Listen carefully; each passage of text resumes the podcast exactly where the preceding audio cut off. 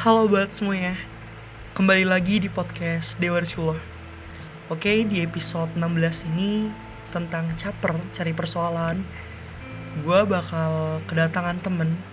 Dan ini adalah teman online Dari sebuah grup kepenulisan mungkin ya.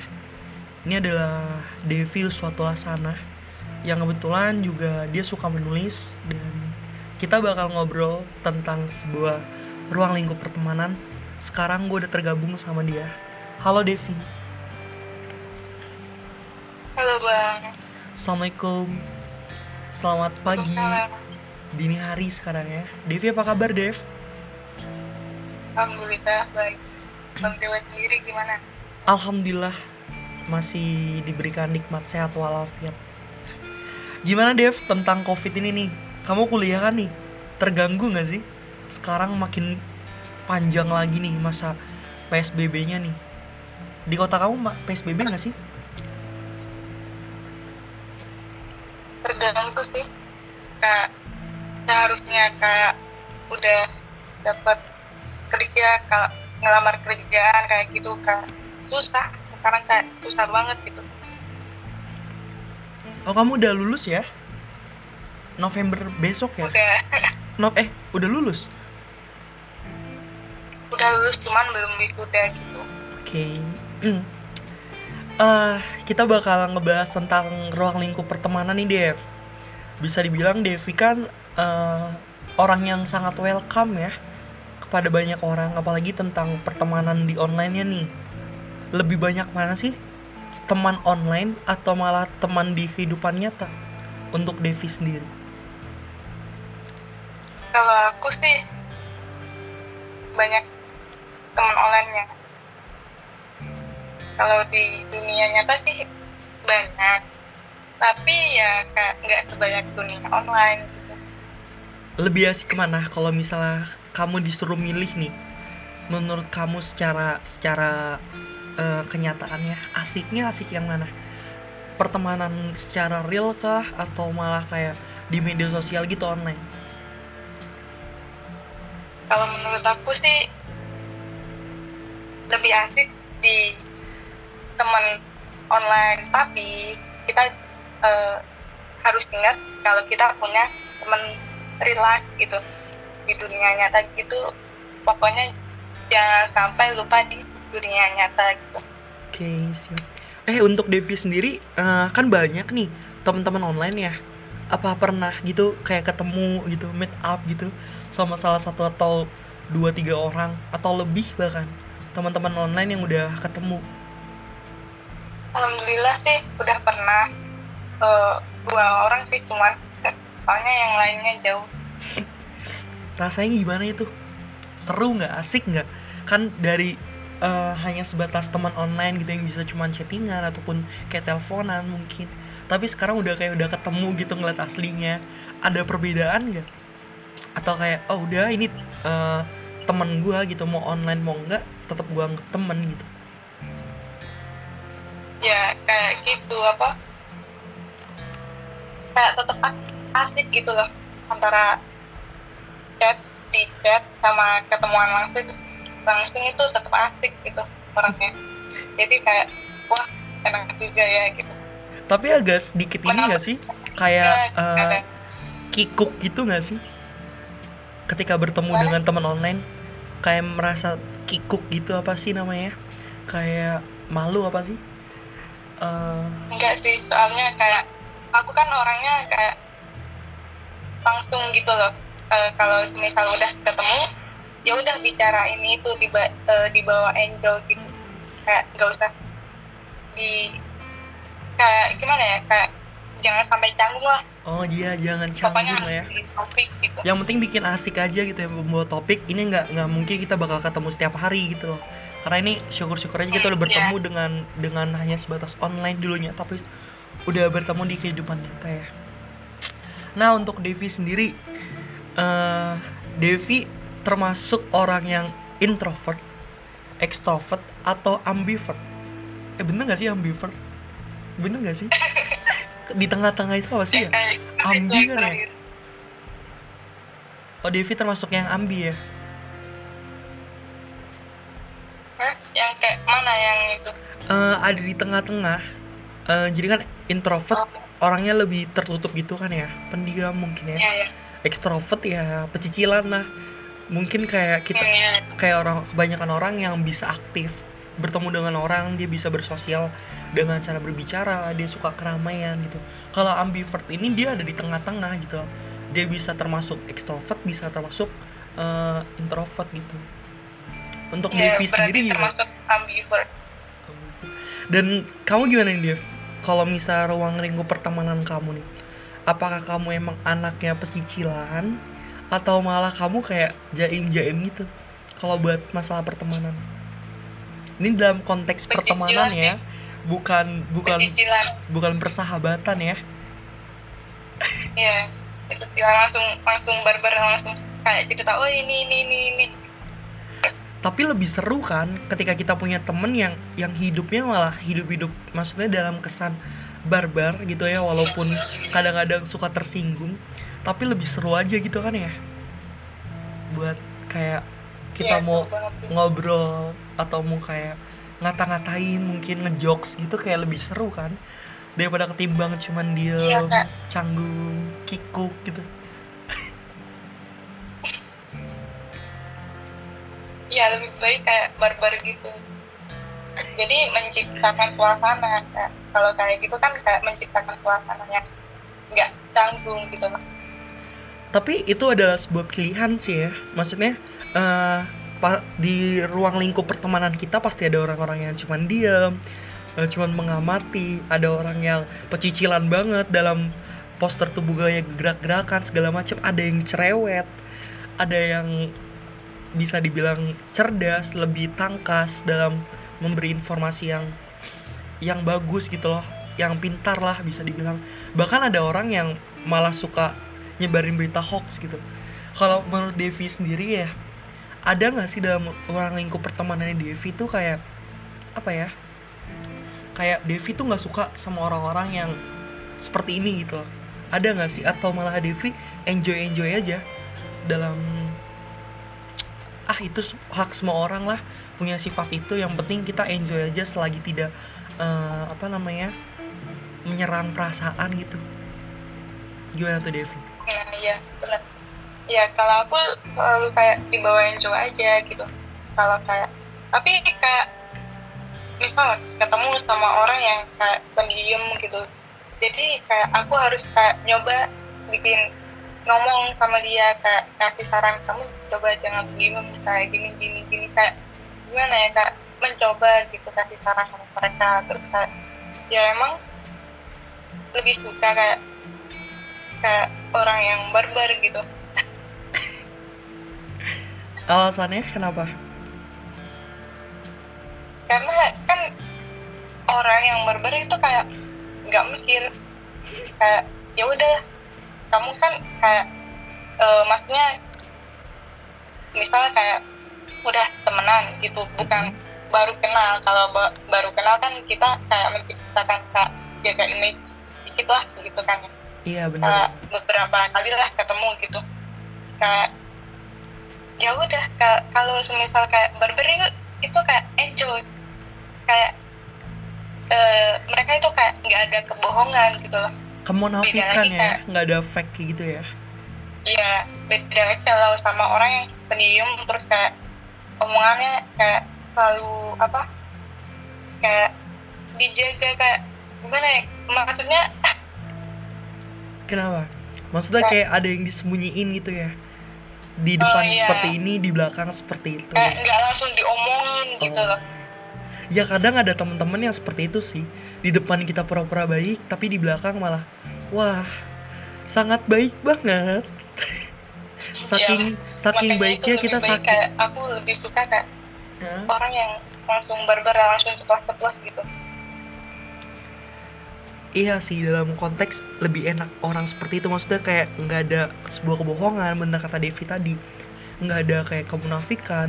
Apa yang disampaikan enak gitu. Walaupun terkadang kalau barbar itu pasti ada kayak ya kalau misal ruang lingkup pertemanan ya kita harus megang satu hal sih.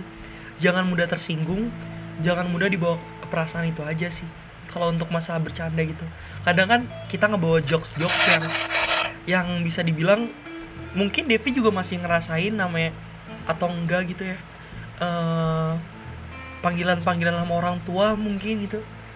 Masih ada nggak sih dalam ruang lingkup pertemanan Devi nih? Kalau sekarang sih udah nggak ada ya soalnya kan udah udah gede gitu loh. Enggak kadang ada beberapa orang yang yang bisa dibilang tuh kalau misalnya kita ngobrol sama orang lain itu masih masih keinget eh ini bapaknya ini gitu. Gitu kayak manggil nama gitu untuk Devi sendiri pernah gak sih dipanggil nama? Tapi pakai nama orang tua gitu entah ayah atau ibu gitu. Kadang ada kan tuh Ya, orang-orang kayak pernah gitu? Ya pernah pernah gimana tuh Devi nanggepinnya tuh?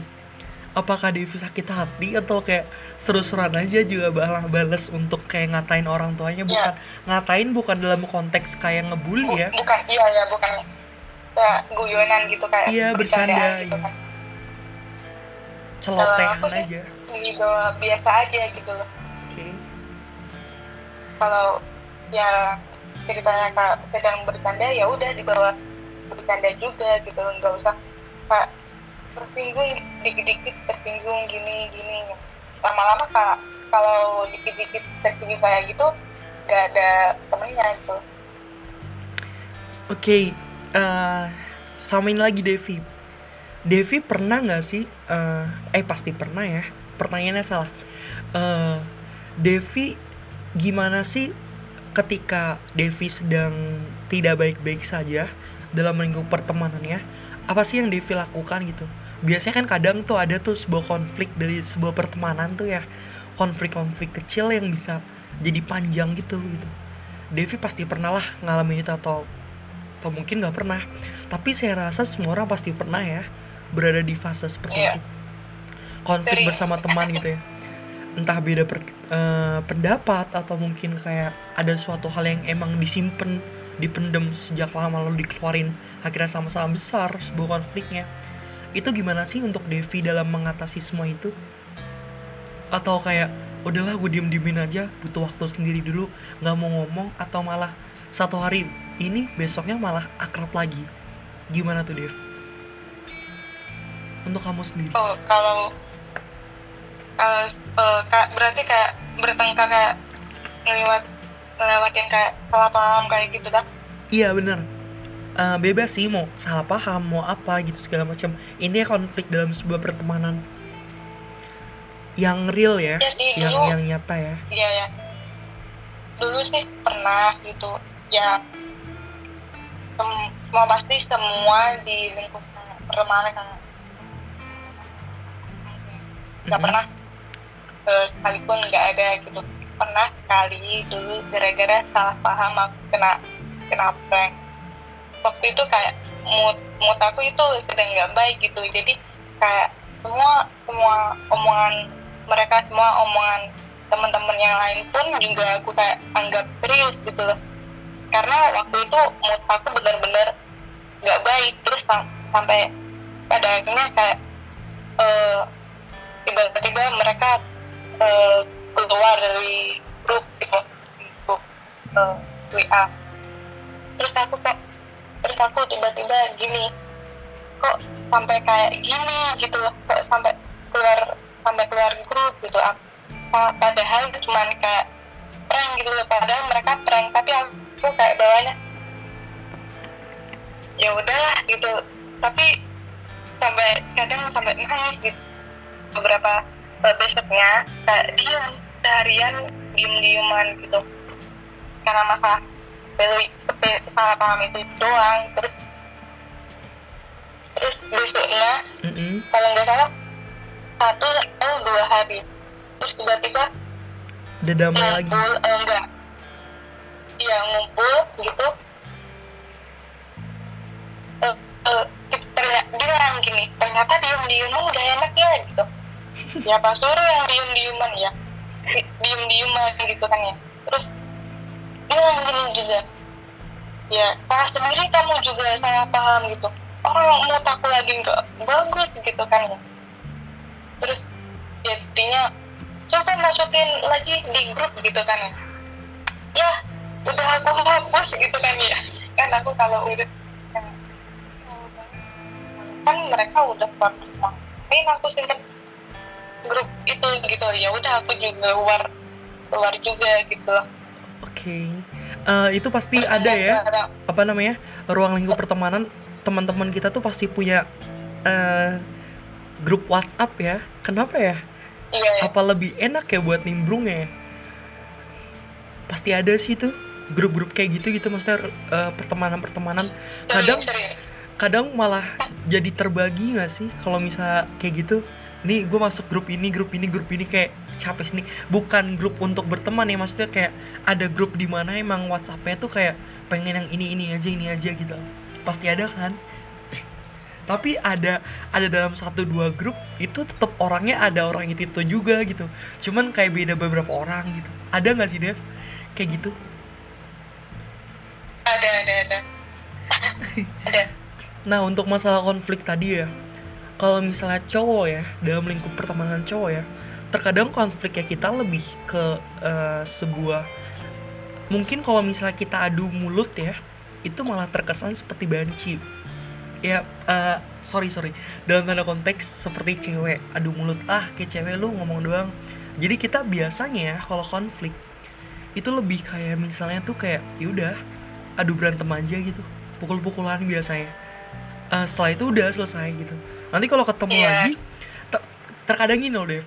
Eh, terkadang yang ngebuat kita makin lama untuk sebuah konflik itu sendiri adalah ketika kita itu merasa gengsi untuk merasa minta maaf kepada orang itu gitu loh. ketika kita punya masalah dengan teman kita kita akan jauh lebih lama lagi ketika konflik itu. Karena apa? Karena kita memiliki rasa gengsi untuk mengucapkan kata maaf gitu karena maaf itu berat loh. Padahal maaf cuma bilang eh maafin gue ya cuman karena rasa gengsi yang tinggi itu gitu jadi kayak rasa maaf itu kayak sulit banget untuk disampaikan. Bener nggak sih? Kadang eh gue pengen Iya, berteman bener, lagi. Makanya kita harus Mm-mm. turunin dulu sedikit lah untuk minta maaf sama mereka. Biarpun Mm-mm. kitanya nggak salah eh, seharus eh, meskipun kita nggak salah kita harus minta maaf gitu lah Ya kadang ada beberapa orang yang mungkin egonya masih kuat ya apalagi kalau misalnya udah konflik kayak gitu ya merasa gengsi. Ah dia aja yang minta maaf gue mah jangan. Ah gue nungguin dia aja gitu. Kadang hal-hal seperti itu tuh lucu gitu.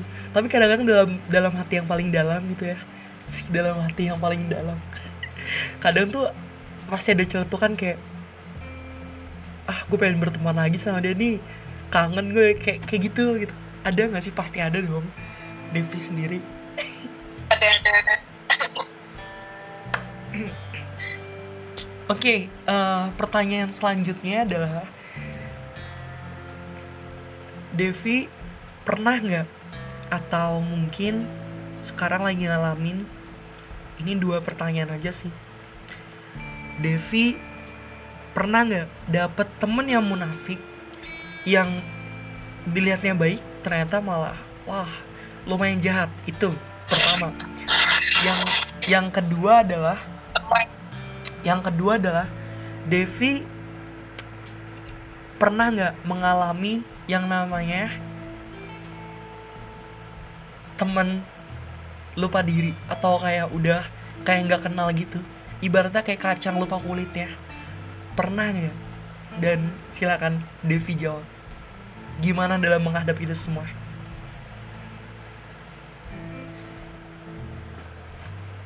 kalau yang pertama sih kayak terus aku bilang kayak nggak pernah ya ke temen gitu ya. Soalnya kayak gimana ya aku kalau misal temenan gitu kan aku akunya aku aku sendiri tuh kayak jangan jangan sampai aku fake gitu jangan sampai aku palsu.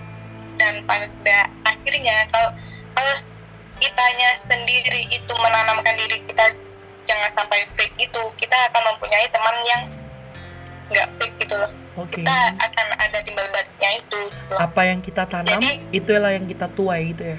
Eh bener nggak sih? Iya gitu. peribahasanya? Heeh. bener ya? Oke.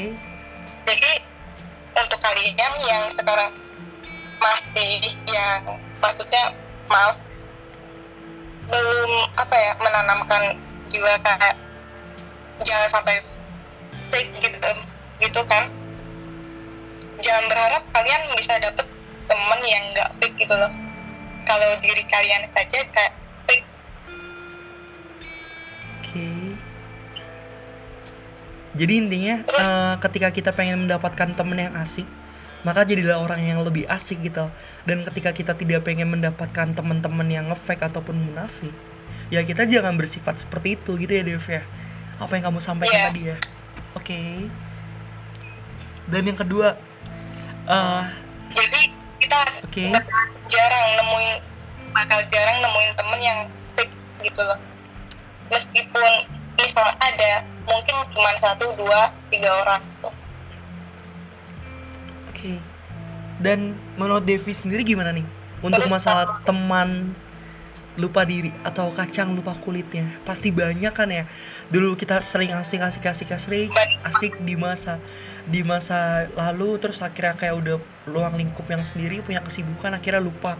Kayak seakan-akan tuh kayak nggak pernah ada kejadian untuk kita berteman gitu. Gimana sih menurut Devi sendiri pandangan Devi sendiri nih? Sering banget sih kalau kayak gitu kak. Susah gitu loh. Kok kita udah udah baik sama dia. Tiba-tiba eh, waktu dia udah dapat temen yang lain terus dia kayak lupa sama aku gitu loh. Emang apa salahku dulu gitu loh.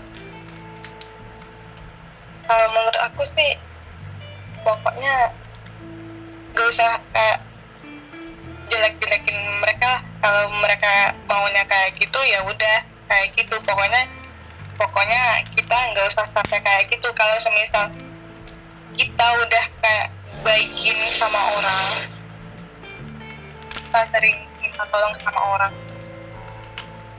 Oke.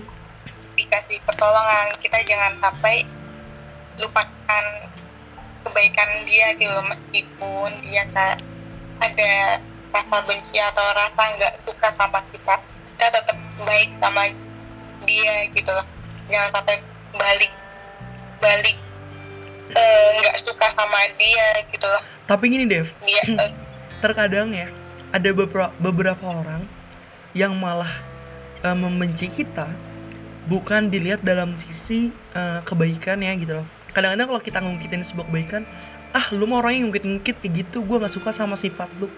Tapi kalau misalnya kita nggak diungkit mereka malah ngelunjak dalam dalam tanda kutip di diungkit-ungkit tentang kesalahan kita gitu. Kadang ada dua dua fase di mana kita tuh merasa bersalah dan tidak pernah benar gitu loh di mata mereka. Satu itu tadi kita akan dianggap men- dicari kesalahan ya ketika berteman. Dan kita merasa kayak gue pengen tegur nih. Nah ketika kita udah tegur enggak kok gue kan lu kenapa nggak inget sih tentang kebaikan gue kayak gini kayak gini kayak gini? Kita sebutin malah mereka malah nyebutin lagi ah lu mah ngungkit-ngungkit. Kalau kebaikannya kebaikan. Gue nggak nggak suka sama lu tuh gini. Dengan sifatnya. Itu kadang-kadang tuh kita merasa bersalah di dua tempat itu sendiri.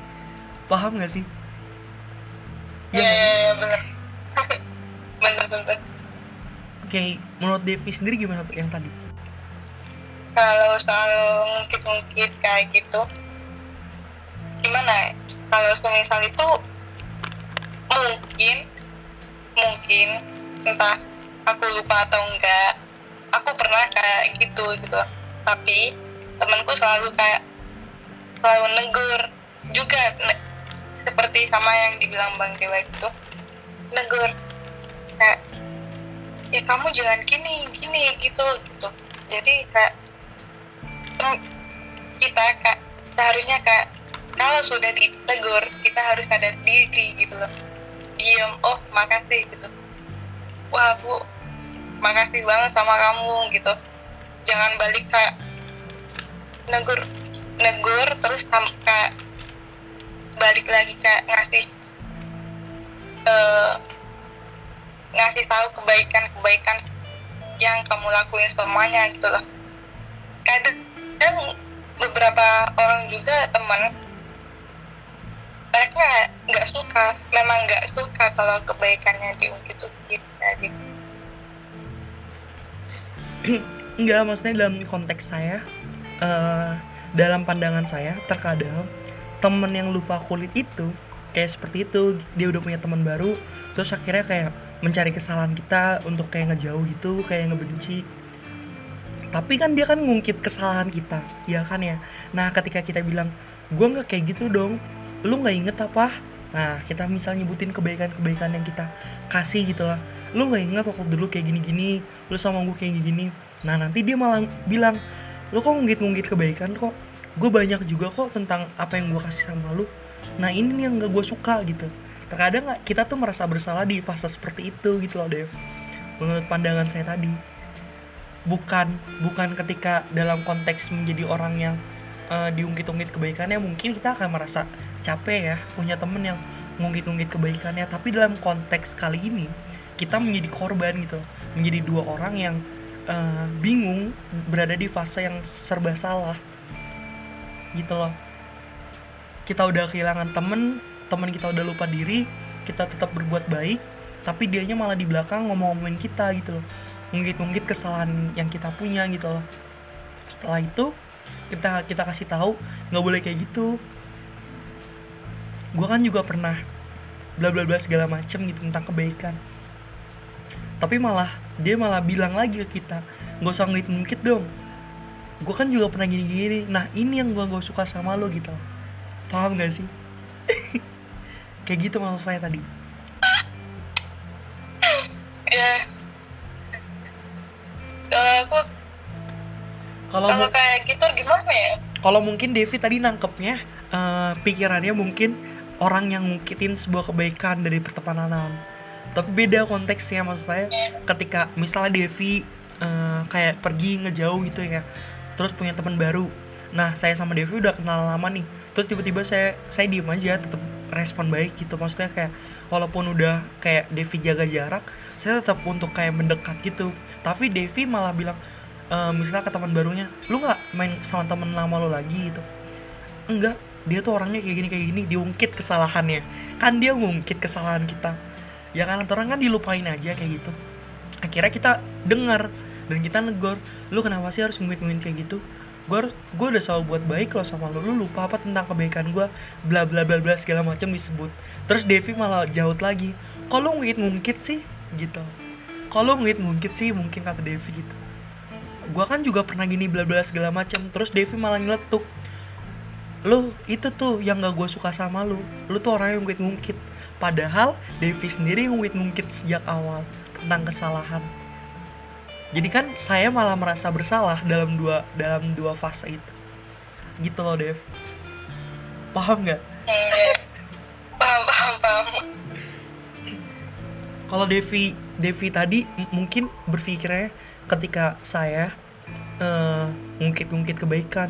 Eh Dev lu nggak inget apa tentang kebaikan gue segala macam gini terus Devi marah itu ya kan mungkin yang tadi Devi pikirkan iya ya Dan gimana tuh tentang oh. Devi sendiri teman lupa kulit? Eh kacang lupa kulitnya gimana? Saya kasih waktu hmm, untuk Devi untuk ngobrol. Kalau, Silakan.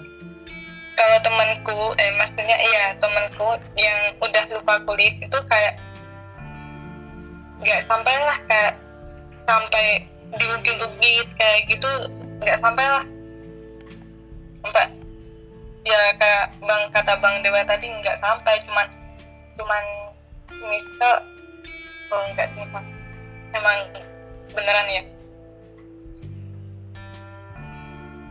Udah udah temenan sama aku.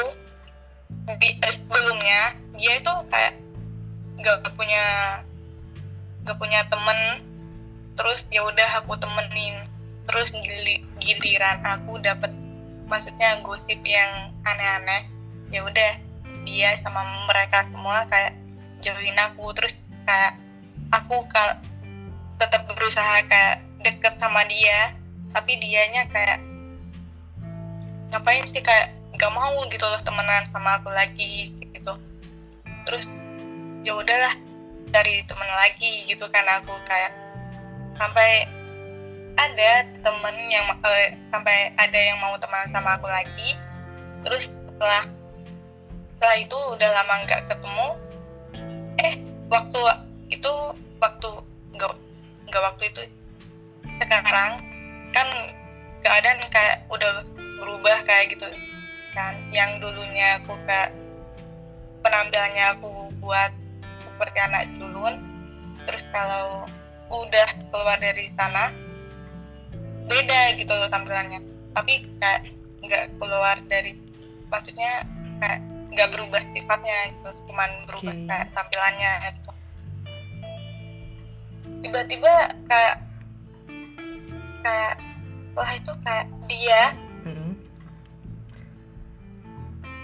langsung ngedeket lagi gitu. Terus bilang sama temanku gitu eh dapat salam sama ini gitu. Ah ngapain dia? gitu. Katanya eh, katanya temenmu terus katanya katanya dia gini gitu kayak kayak kayak ngebaikin aku gitu. Hah? gitu kan ya? Loh terus aku kayak gimana? Ya, kayak masih kayak ada kesel sedikit sih kayak langsung jawab gini apa sih dia itu fake gitu kan ya? Langsung langsung ceplos gitu aku. Apa sih dia itu fake? Dia dia dulu nggak mau temenan sama aku gara-gara gosip murahan kayak gitu gitu. Sekarang udah giliran aku udah kayak gini dia malah ngedeket gitu.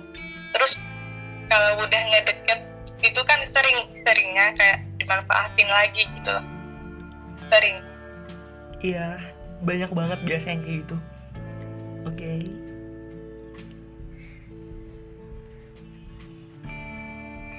Halo.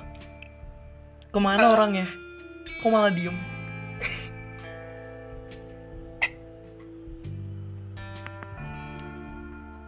terus sering juga kan pasti pastinya kalian semua pasti pasti yang sekarang merasa kayak sering dimanfaatin lah kayak sering dibohongin lah Nah, jadi kamu nggak usah kalian kayak sekarang harus punya pemikiran ya nggak apa-apa lah.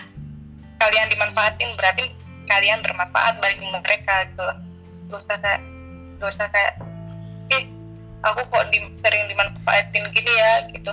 Giliran eh, nggak ada butuh terus ngal terus apa pergi gitu deket sama aku kok cuman butuhnya doang gitu Nah Terus iya. semua manusia kan pastinya Mm, mereka datang kalau ada butuh Iya, sama kayak kita aja semua. Kita semua datang ke Allah cuma ada butuh doang. Kalau udah diberikan kesenangan kita lupa. Nah, contohnya kayak gitu juga. Jadi kayak ya udah kalau semisal kita kita dimanfaatin berarti kita bermanfaat bagi mereka gitu loh. Iya kadang ter, eh, terkadang tuh eh, apa ya? Ketika kita merasa tidak enak, ya apa namanya? Mereka malah seenak ya. Terkadang ada konteks seperti itu, yang di mana kita tuh merasa bingung, merasa kayak, aduh gimana ya gitu. Kadang pengen keluar dari ruang lingkup pertemanan itu kayak, udahlah. eh, menurut Devi sendiri ya, kita berhak nggak sih untuk berontak dalam tanda kutip eh, dengan apa yang kita dapetin nih. Misalnya kita sering disakitin atau dibohongin mereka sering manfa- eh, manfaatin kita. Kita berhak nggak sih untuk berontak kayak keluar dari itu semua?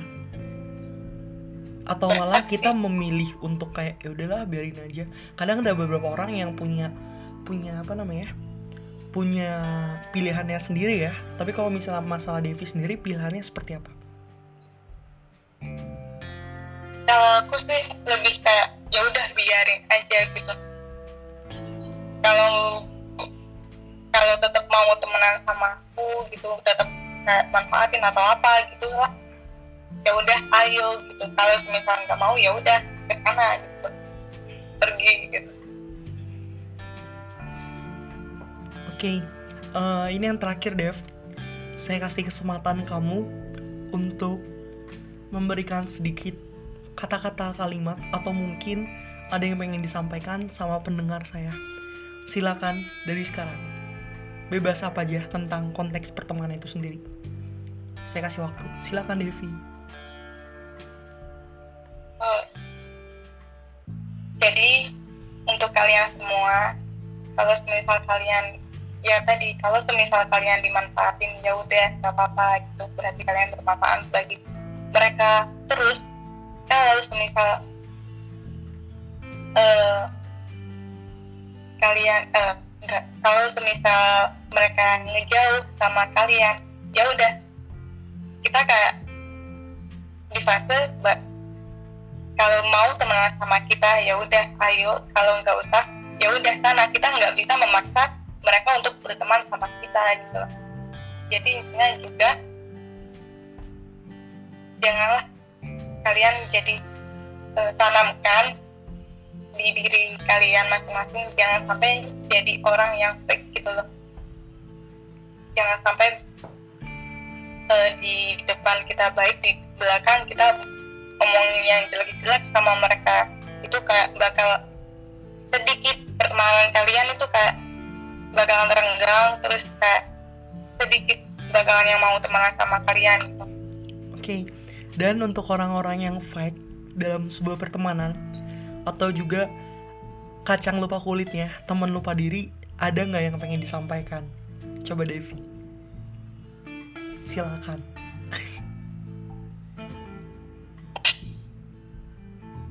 Nggak ada. Untuk kalian yang okay. untuk kalian yang, yang lupa pada kuliahnya ya kak lupa gitu kalian coba inget-inget lagi kebaikan maksudnya ya nggak usah nggak ini nggak kebaikan aku ya. Maksudnya kak coba kalian ingat kebaikan mereka ke kalian gitu. Jadi supaya kalian tuh kayak sadar gitu loh. Biar nggak nggak lupa sama dia gitu loh.